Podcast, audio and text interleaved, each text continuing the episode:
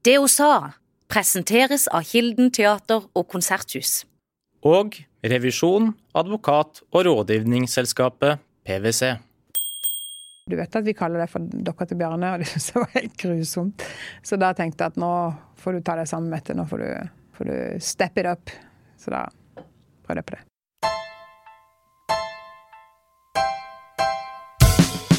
Velkommen til alle dere som hører på det hun sa. Ukas gjest sitter foran meg, smilende, i en vårlig rosa blazer.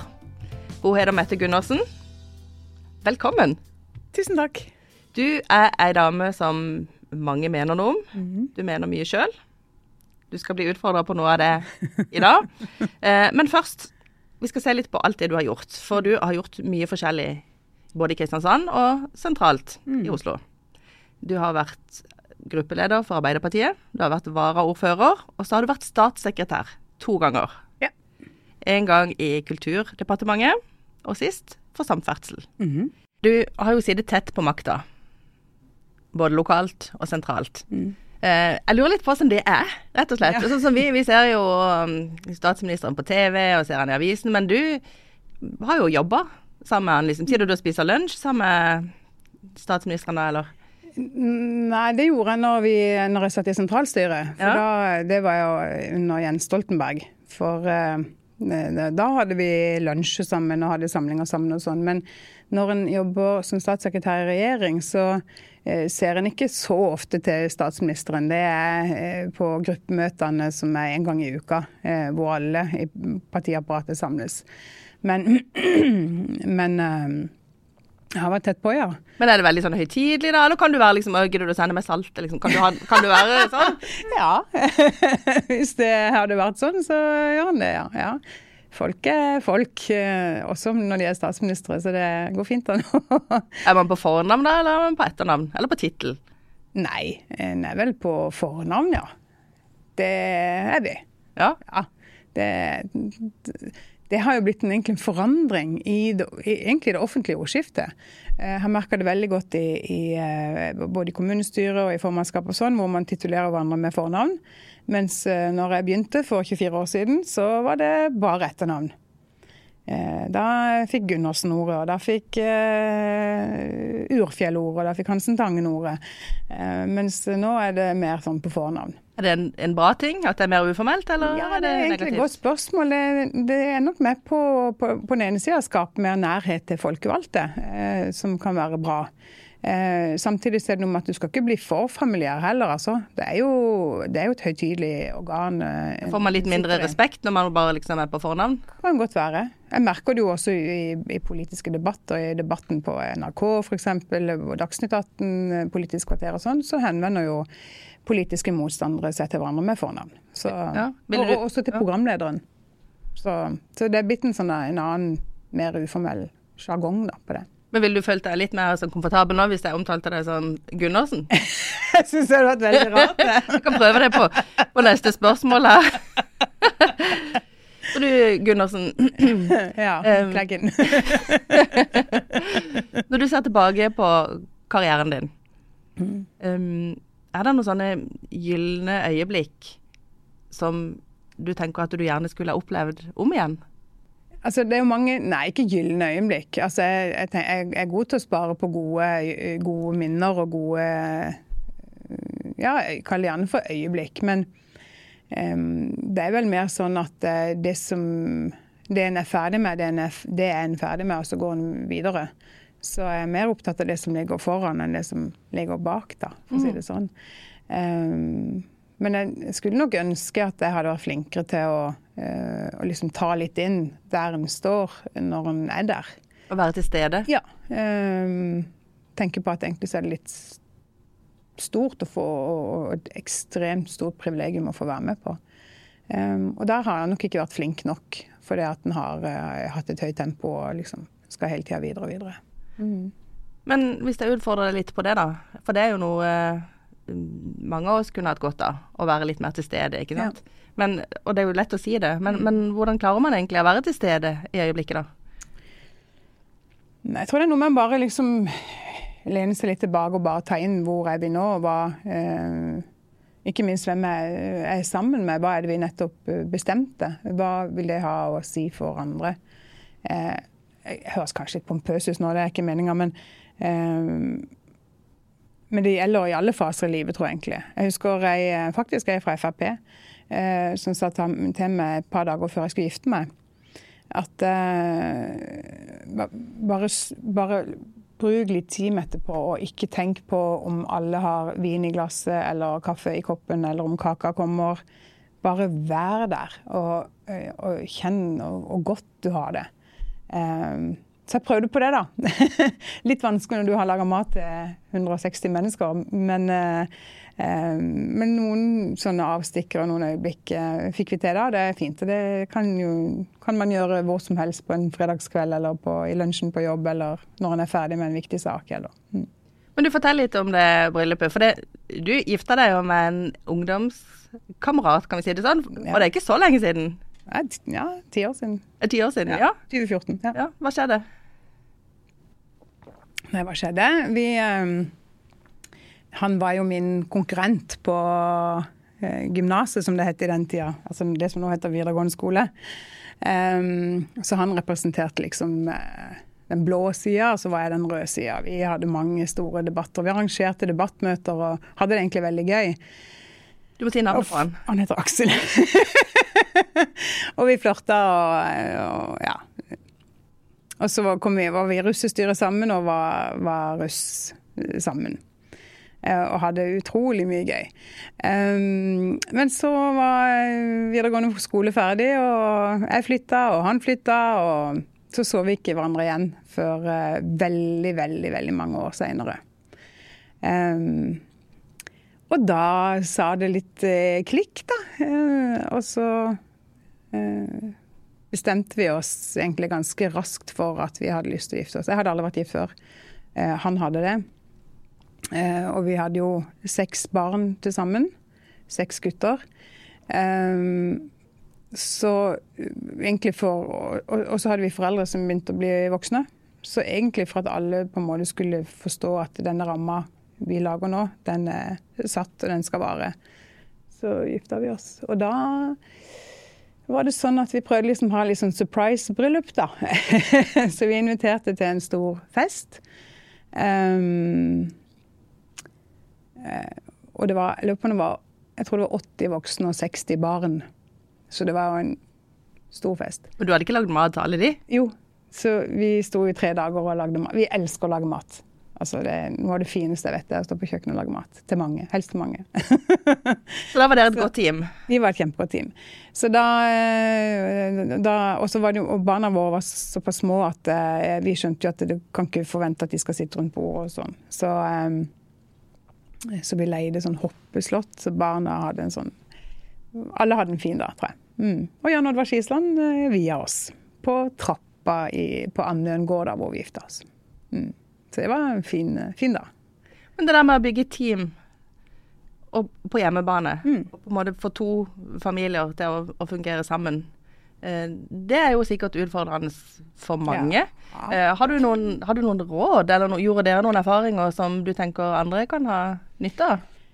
Eh, ja, altså vi eh, vi, snak altså, vi snakker fryktelig mye sammen i, i, huset vårt. Og det henger selvfølgelig sammen med hva jeg vant meg fra, eh, fra min barndom. Um, så det å hele tida liksom um, Vite at alle vet hva som skal skje nå, og så videre, um, er viktig for oss. Men uh, akkurat da så var vi opptatt av at alle barna må um, være trygge i, i, det som nå skal skje. Så vi fikk egentlig hjelp. Altså vi oppsøkte eh, profesjonell hjelp. Eh, eh, og han, han sa at det var så fint å se at det er folk som Sola skinner og alt er helt superdupert og vi er kjempeforelska og, og, vil bare at alle skal ha det bra. og han ga oss noen tips om hvordan det kunne gjøres vanligvis så kommer jo folk til, eh, til psykolog når alt er, er, vondt eller vanskelig eller krevende. Men med oss var det omvendt, da. Så, dere valgte rett og slett å preppe dere litt for dårlige dager mens dere hadde det bra? Mm. Mm, og det syns du fungerte? Det har vært bra. Ja, altså det, om, om, det var det som var årsaken, vet ikke. Det kan jo rett og slett være at vi funker veldig bra sammen med, å, med min kjæreste. Forhåpentligvis det òg. Men du Mette, da du fikk denne telefonen om, med forespørselen om du ville bli statssekretær, mm. da kom dette teamet ditt hjemme fort på banen. Ja. Hva, hva gjorde du?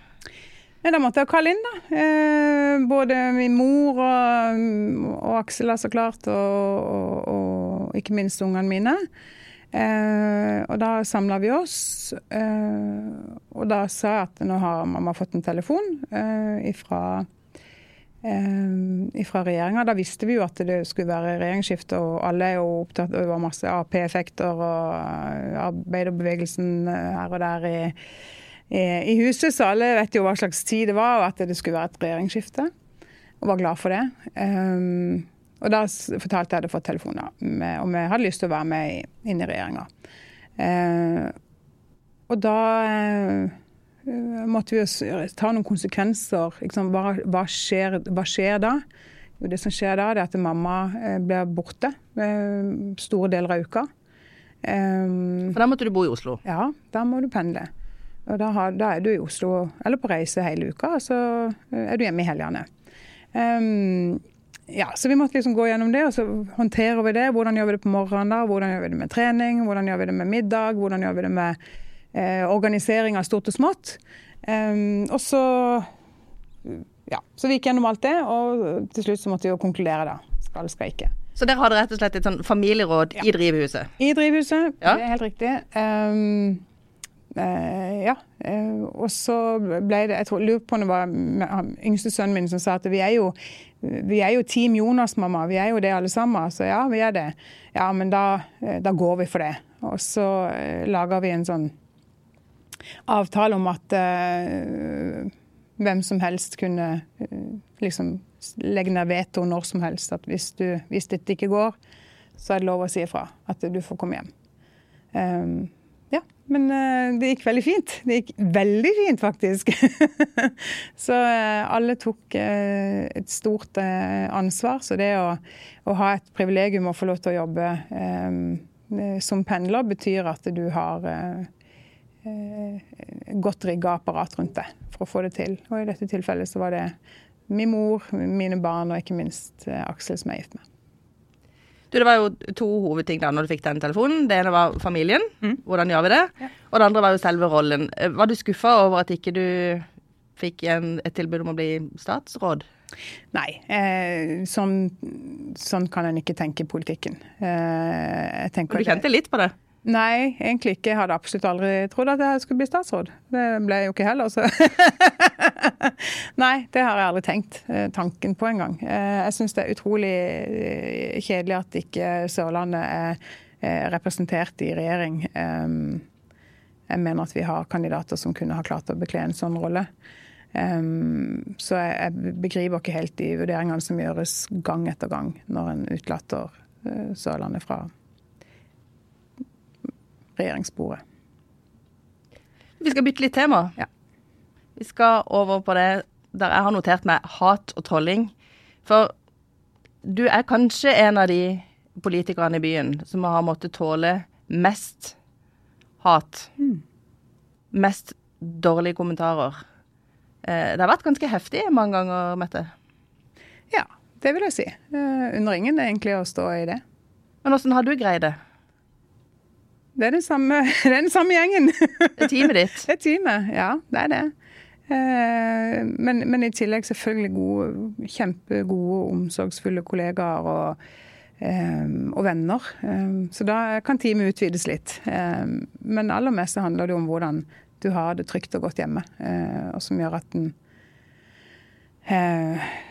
ja, kan stå Eller en ting er å stå i det, men en annen ting er å faktisk ikke bruke all energien sin på det, da.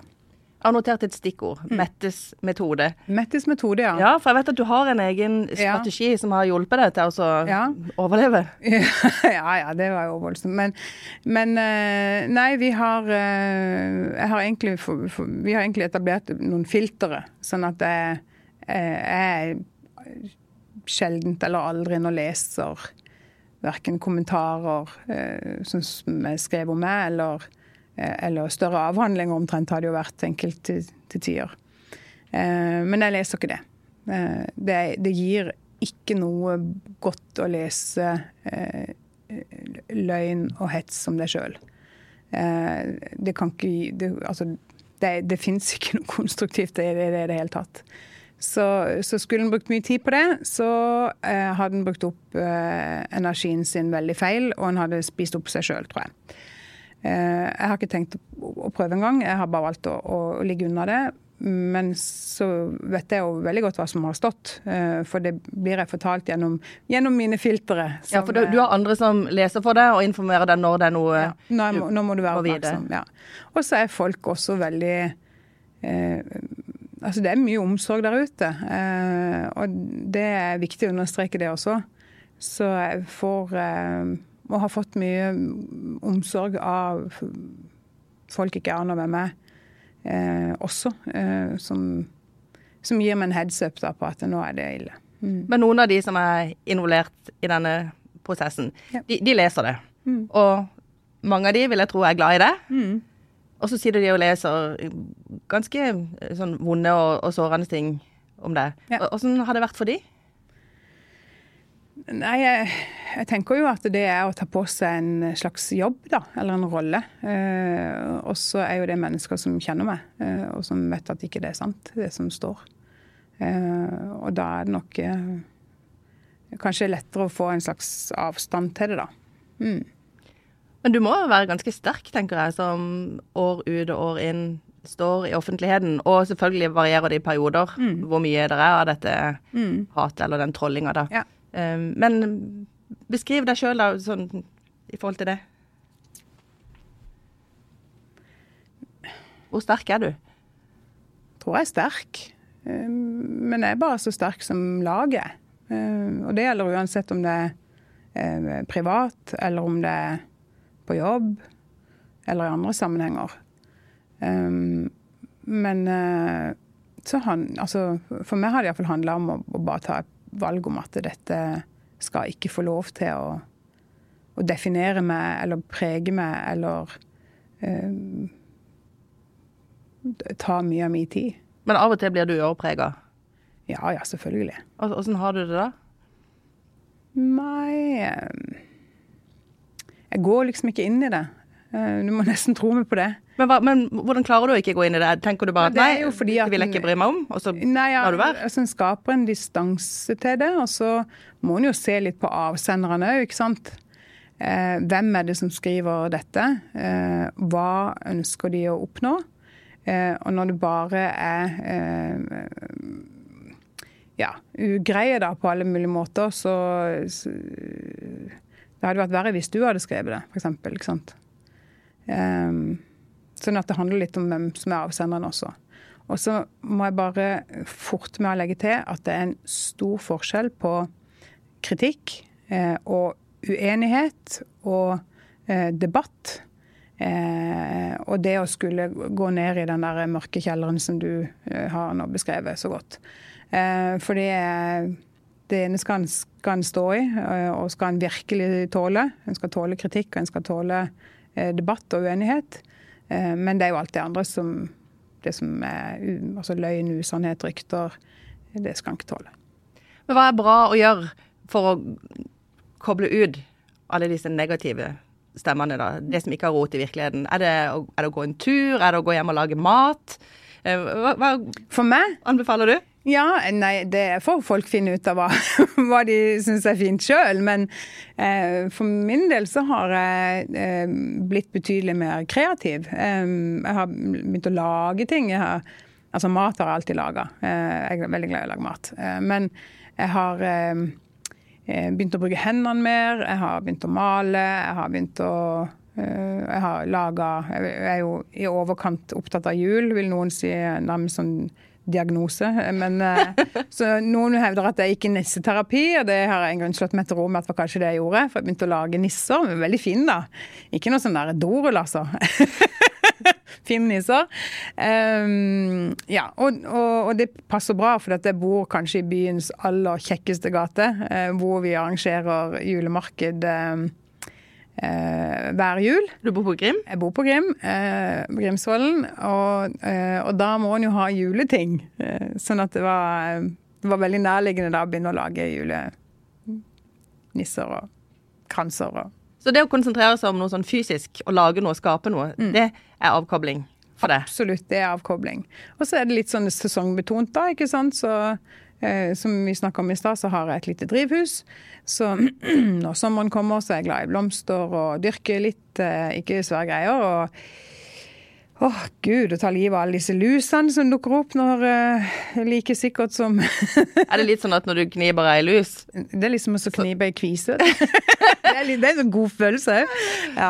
Men uh, ja, så, så da, det er fint å ha andre ting å gjøre, da. Men du kan ta ut litt aggresjoner da på de Jeg, jeg, vet du, jeg er ikke så veldig aggressiv. Nei? Jeg har ikke så veldig behov for, uh, for Jeg, jeg boksa en periode da. Men da lurte noen på noe for å få ut aggresjon. Men det jeg svetta jo som en Ja, det var, det var ikke noe for meg. jeg har faktisk òg gått på boksing. Har du det? Ja. Syns du det var bra? Ja, jeg syns det var bra. Ja. Men det ble, det ble, ikke noen karriere, da. Nei, og så ble det sånn delayed reaction. sånn at når jeg da gikk på, For da jeg, jeg bokser ofte om morgenen, så når jeg gikk på jobb eh, eh, liksom, Satt i et møte tre timer etterpå, da kom liksom den der svettereaksjonen. Så eh, ja, nei. Så jeg, jeg droppa det.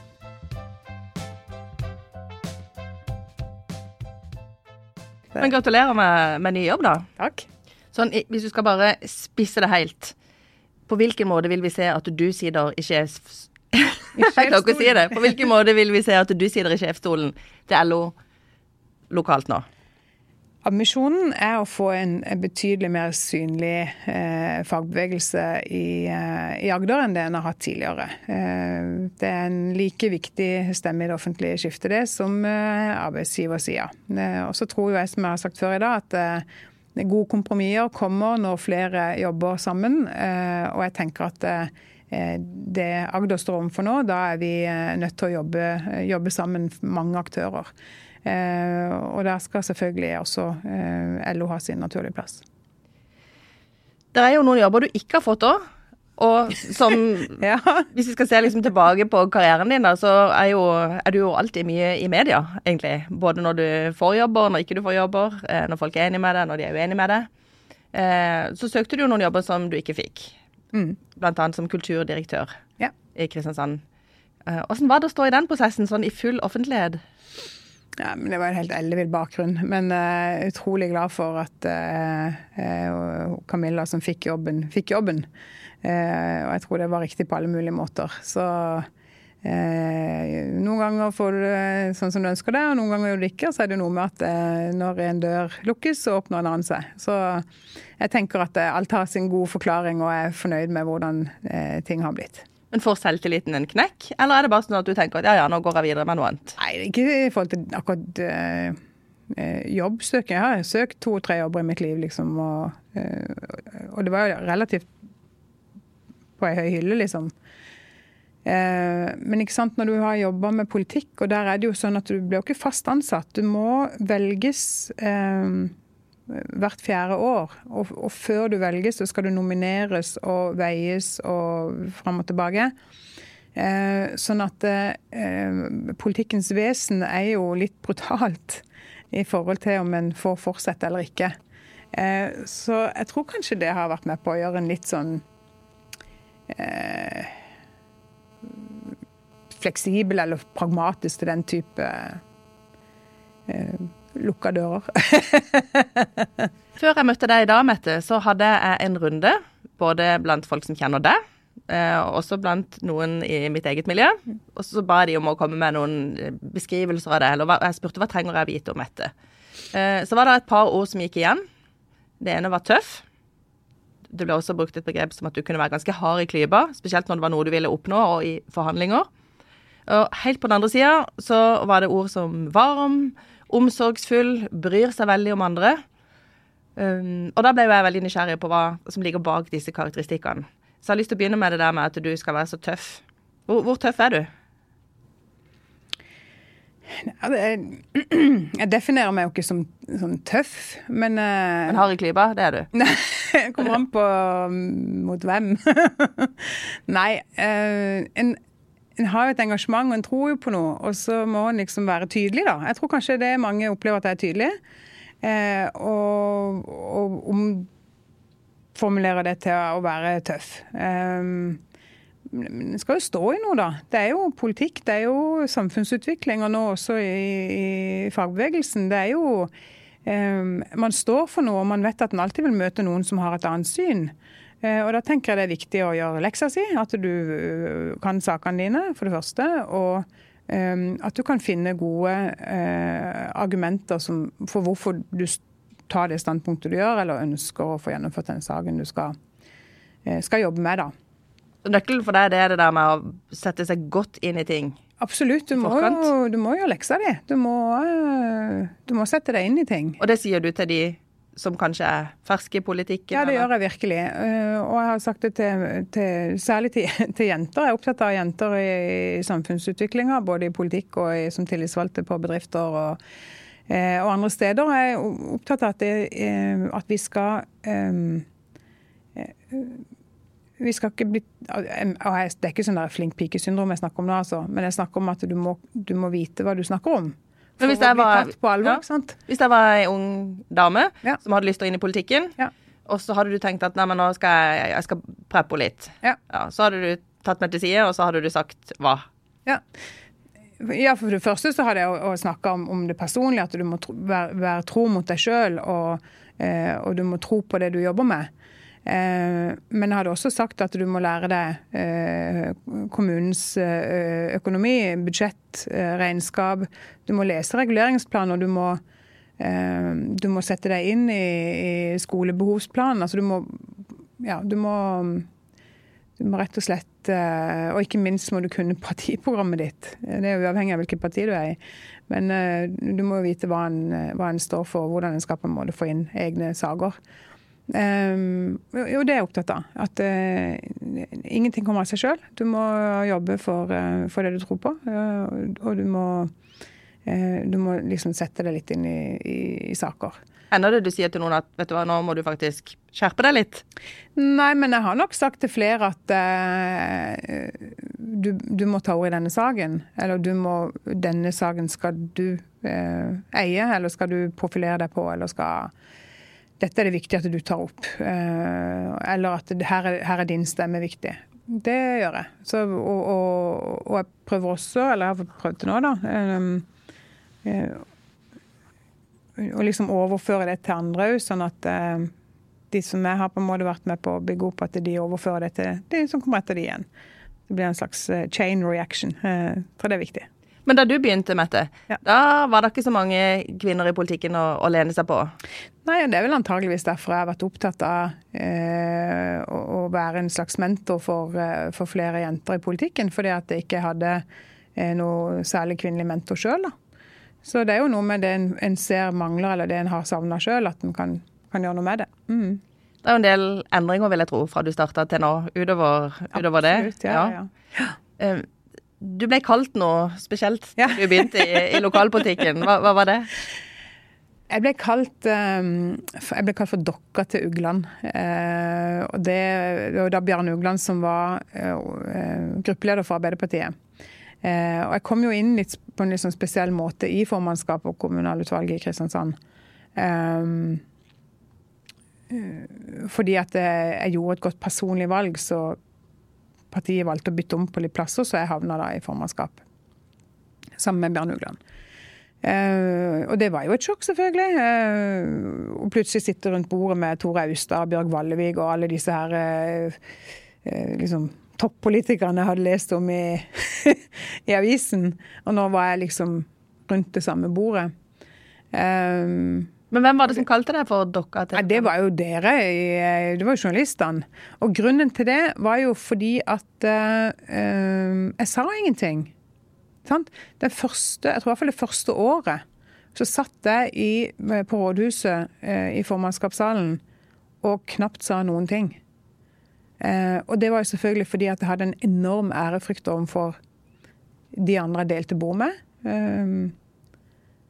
Men også fordi at jeg hadde behov for å lære. Jeg ville ikke bli kasta på dypt vann og, og, synke. For meg var det viktig å, å, å kunne svømme når jeg først ble kasta utpå. Um, så, så, ja, så da var det en eller annen, jeg kan ikke huske hvem det var, sikkert en som er pensjonert nå, som jobba her på Feven, som sa at du vet at vi kaller det for dokka til Bjarne, og det syntes jeg var helt grusomt. Så da tenkte jeg at nå får du ta deg sammen, Mette. Nå får du, får du step it up. Så da prøvde jeg på det. Den slags karakteristikker hadde jo åpenbart ikke blitt godtatt i dag, håper jeg. Nei, men jeg tror, det var jo ikke sånn at det sto ikke på trykk. Jeg tror det var mer sånn det som ble sagt eh, rundt bordet her, da. Mm. Men eh, hendte det at du opplevde noen sånn ubehageligheter som ung kvinnelig politiker? Jeg har nok eh, Ja, det har jeg gjort, men jeg har nok opplevd betydelig flere ubehageligheter som ung kvinnelig bartender. Eh, som er jo eh, jobba jo i hotellbransjen i ti år før jeg gikk inn i politikken. Eh, så jeg har nok opplevd mer der. En er jo heldigvis og for det meste edru i politiske møter. Mens i Når en har da når en jobber i, i utelivsbransjen og møter mange mennesker som har drukket, så er terskelen helt annerledes. Men, um, men, jeg har nok fått min dose, ja. Både her og der. du, det, ordet med, eh, det andre ordet, da, omsorgsfull. Mm. Du bryr deg jo selvfølgelig om de i politikken, og du bryr deg om de hjemme. Men du bryr deg også om, om andre. Mm. Fortell litt om engasjementet ditt for de som kanskje ikke har det så lett i livet. Ja, men Det tror jeg handler jo om hvem en er.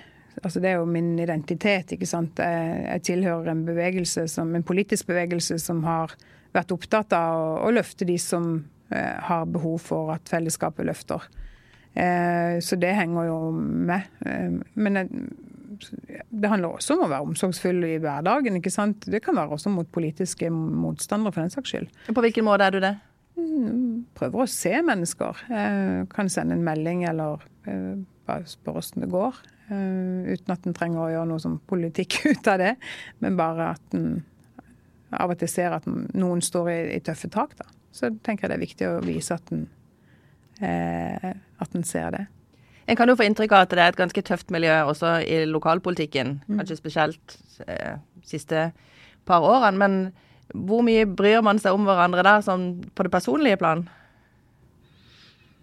Jeg håper jo Nå har ikke jeg vært der på halvannet år i bystyret i Kristiansand, men um,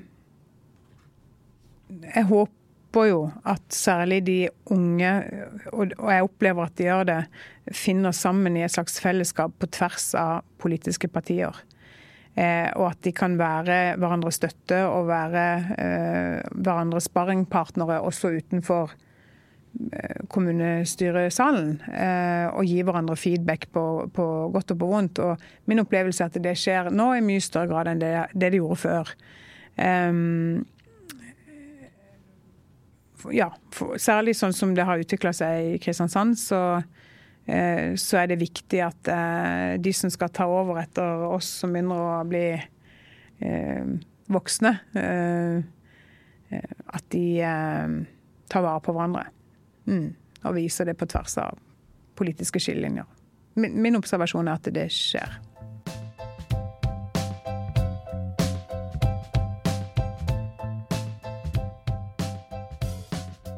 Etter du vokste opp i Vågsbygd, i Voiebyen, tror jeg. Mm. Og din far var musiker. Ja. Han hadde mange i byen et forhold til, har jeg hørt. Ja, Ikke eh, sånn, men mange kjente til pappa, ja. Mm. ja. Han jobba på Feven. Han jobba på Feven. Ja, mm -hmm. Han, var, han var, jobba i, um, i distribusjonen, så han kjørte ut Feven. Så han jobba på Feven på dagtid, og så var han musiker på kveldstid. Byens første rocker, liker jeg å si. Hva het han da? Han heter Reidar. Men du er jo òg glad i musikk? Ja. Hva betyr musikk for deg? Ja, masse. Fortell. Nei, vi bruker Eller vi, sier jeg, for jeg prøver jo å overføre alt til, til, til ungene og sånn, men jeg bruker musikk i, til alt. Eh, når jeg er glad, så spiller musikk og blir enda gladere. Når jeg er trist, så spiller musikk og blir enda tristere. Når jeg trenger å bli preppa, så bruker jeg musikk til å preppe med. Å få ut eh, energi, få trent stemmebåndene. Altså det er mange gode Du synger òg? Ja, av full hals. Eh, og det er klart det var enklere å gjøre når jeg var ungdom. Eh, så nå må jeg sette meg i bilen når jeg skal synge av full hals. Men eh, ja, jeg, jeg, liker Jeg bruker musikk eh, mye. Hva er det du hører på, da? Ja, eh, det er jo alt ettersom, ikke sant. Jeg er glad i alle typer sjangere, nærmest. Eh, sånn speed metal og sånn, det er ikke helt meg, da. Men eh, jeg kan egentlig høre jeg veldig eh, Ja, jeg hører på mye forskjellig musikk, og det er litt ut ifra hva slags humør jeg er, eller hva jeg ønsker å oppnå, da. Så hvis jeg skal eh, stelle meg før jeg skal på fest, så hører jeg på veldig glad musikk, og gjerne latinske rytmer og sånn. og Um, hvis jeg skal uh, holde en tale, en viktig tale, så uh, hører jeg mer på sånn type kampsanger eller sånn som får opp liksom moralen. Så ja, så jeg har et bredt spekter, en lang spilleliste. Du, Nå har vi snakka mye om karrieren din. Mm. Den kunne fort ha blitt helt annerledes. Ja. Jeg vet at du var veldig opptatt av sminke, blant annet, da du var yngre. Mm. Fortell. Ja, eh, det var jo det var jo før det var eh, masse sånne blader og sånn som ungdom kunne kjøpe. Så det var egentlig bare ett sånn musikkblad eh, som vi fikk på 80-tallet her i Norge. Og det var et tysk blad som heter Bravo. Og der var det jo bilder av, Boy George og Madonna og eh, Duran Duran og Wam og alle disse herre fantastisk store artistene, som jo alle var fulle av sminke. Eh, og jeg elsker å sette meg der og sminke meg sånn som de. Eh, og jo verre, holdt på å si, jo verre, jo bedre. Men eh, og, ja. Og så gikk jeg på Grendehuset i Voiby etterpå og følte meg veldig stilig.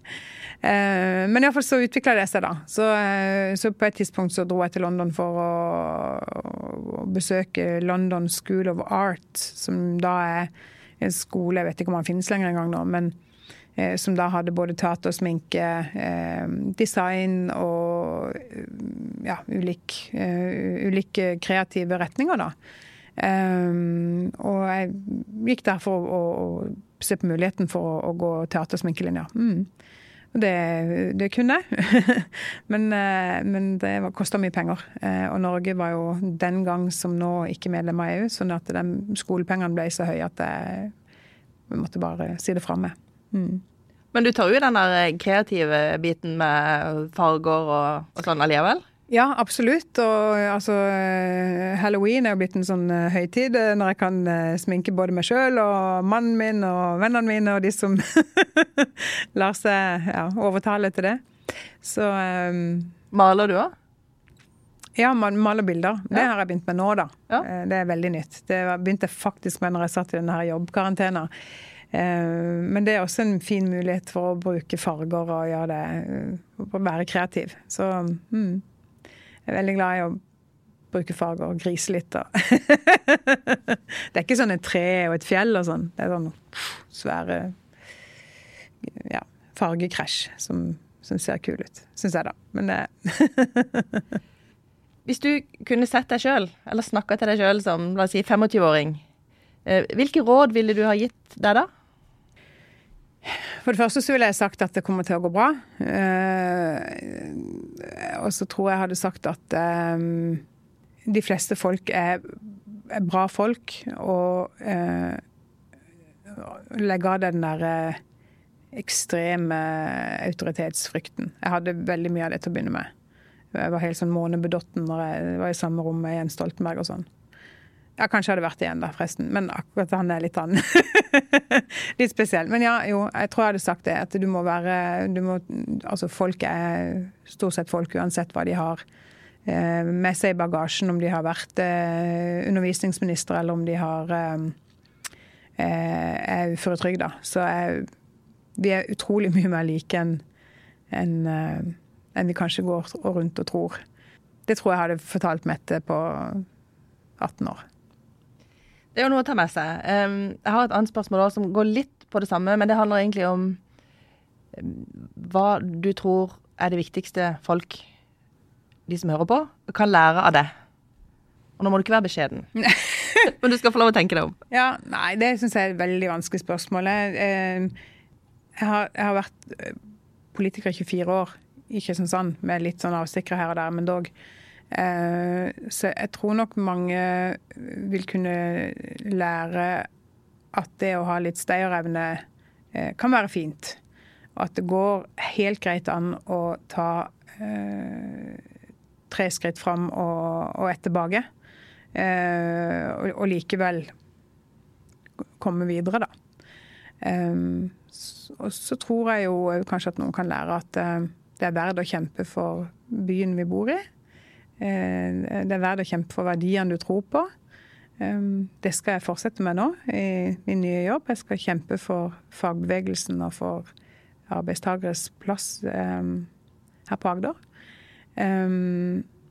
Så det å, stå for noe, kjempe for noe og, og kjenne på det, det håper jeg noen har sett at jeg har forsøkt. Du sa i stad at du skulle sagt til deg sjøl at du trengte ikke å ha autoritetsangst eller ha så mye respekt for autoriteter. Mm. Um, I dag, er det sånn at du, du frykter ikke å uh, gi kritikk til, til statsministeren? Du, du, gjør gjerne det? Du er ikke redd for konsekvensene av det? Nei. Hva skulle han ha gjort, liksom? Men nei, nei jeg tenkte på bystyret nå nylig. Jo, men når det, når det, du ganske tøff. Ja. Når det er begått feil, så må en, må en kunne si det. Eh, det betyr jo ikke at de ikke liker hverandre eller noe som helst sånn, men, men av, av, stor kjærlighet til, eh, til både politikken og, og, og partiet og regjering og, og, ikke minst byen, da, så mener jeg at det er riktig å si fra når, når ting er på ville veier. Men det er gjort med stor kjærlighet for det en ønsker og det en kjemper for og det en tror på. Um, og i dette tilfellet, hvor, en, eh, hvor da eh, regjeringa bruker mye energi og krefter på å skulle splitte opp en kommune som eh, er en, som jeg sa innledningsvis, en av landets aller beste kommuner å bo i, det mener jeg er feil. Og det syns jeg det må være greit å, å si. Vi har en fast post som handler om fremsnakking. Mm. Jeg tenkte vi kanskje kunne begynne å, å runde av med, med den. Eh, hvem har du lyst til å fremsnakke, Mette? Jeg har jo lyst til å fremsnakke damer, da. Som, eh, som, har gått foran og vist vei, og som har eh, holdt dører åpne og holdt stigene nede. Så sånne som meg og deg og kan klatre opp og, og komme oss videre, vi også. rent personlig så har, så har, jo min mor vært en helt ekstremt sterk kraft i mitt, i mitt liv. Eh, fordi at hun har vært en, en viktig kvinne sjøl, som har bana vei og slått seg gjennom glasstaket og gjort ting som ingen andre kvinner har gjort før henne. Eh, så det er klart hun har vært et stort forbilde for meg. Må du si navnet på? Hun heter Lisbeth, og hun var Norges første kvinnelige eh, forbundssekretær for eh, Norsk Grafisk Forbund. Altså de som er typografer og som jobber i aviser, f.eks. Eh, og det forbundet var altså 100 år gammelt før de endelig fikk en kvinnelig forbundssekretær. Så, eh, så det har vært noe å strekke seg etter. Men eh, det er også hun som har lært meg om eh, de viktige tingene i livet i forhold til verdier og det å stå opp for andre og det å tørre å si ifra eh, når en ser urettferdighet eh, og, og stå for noe. Mm. Mette Gundersen, tusen takk for at du ville komme til det hun sa. Tusen takk for at jeg fikk lov å komme. Du har hørt på Det hun sa av Ferdelandsvennen. Følg oss på Instagram og meld deg inn i Facebook-gruppen vår. Der kan du foreslå en gjest du har lyst til å høre i neste episode.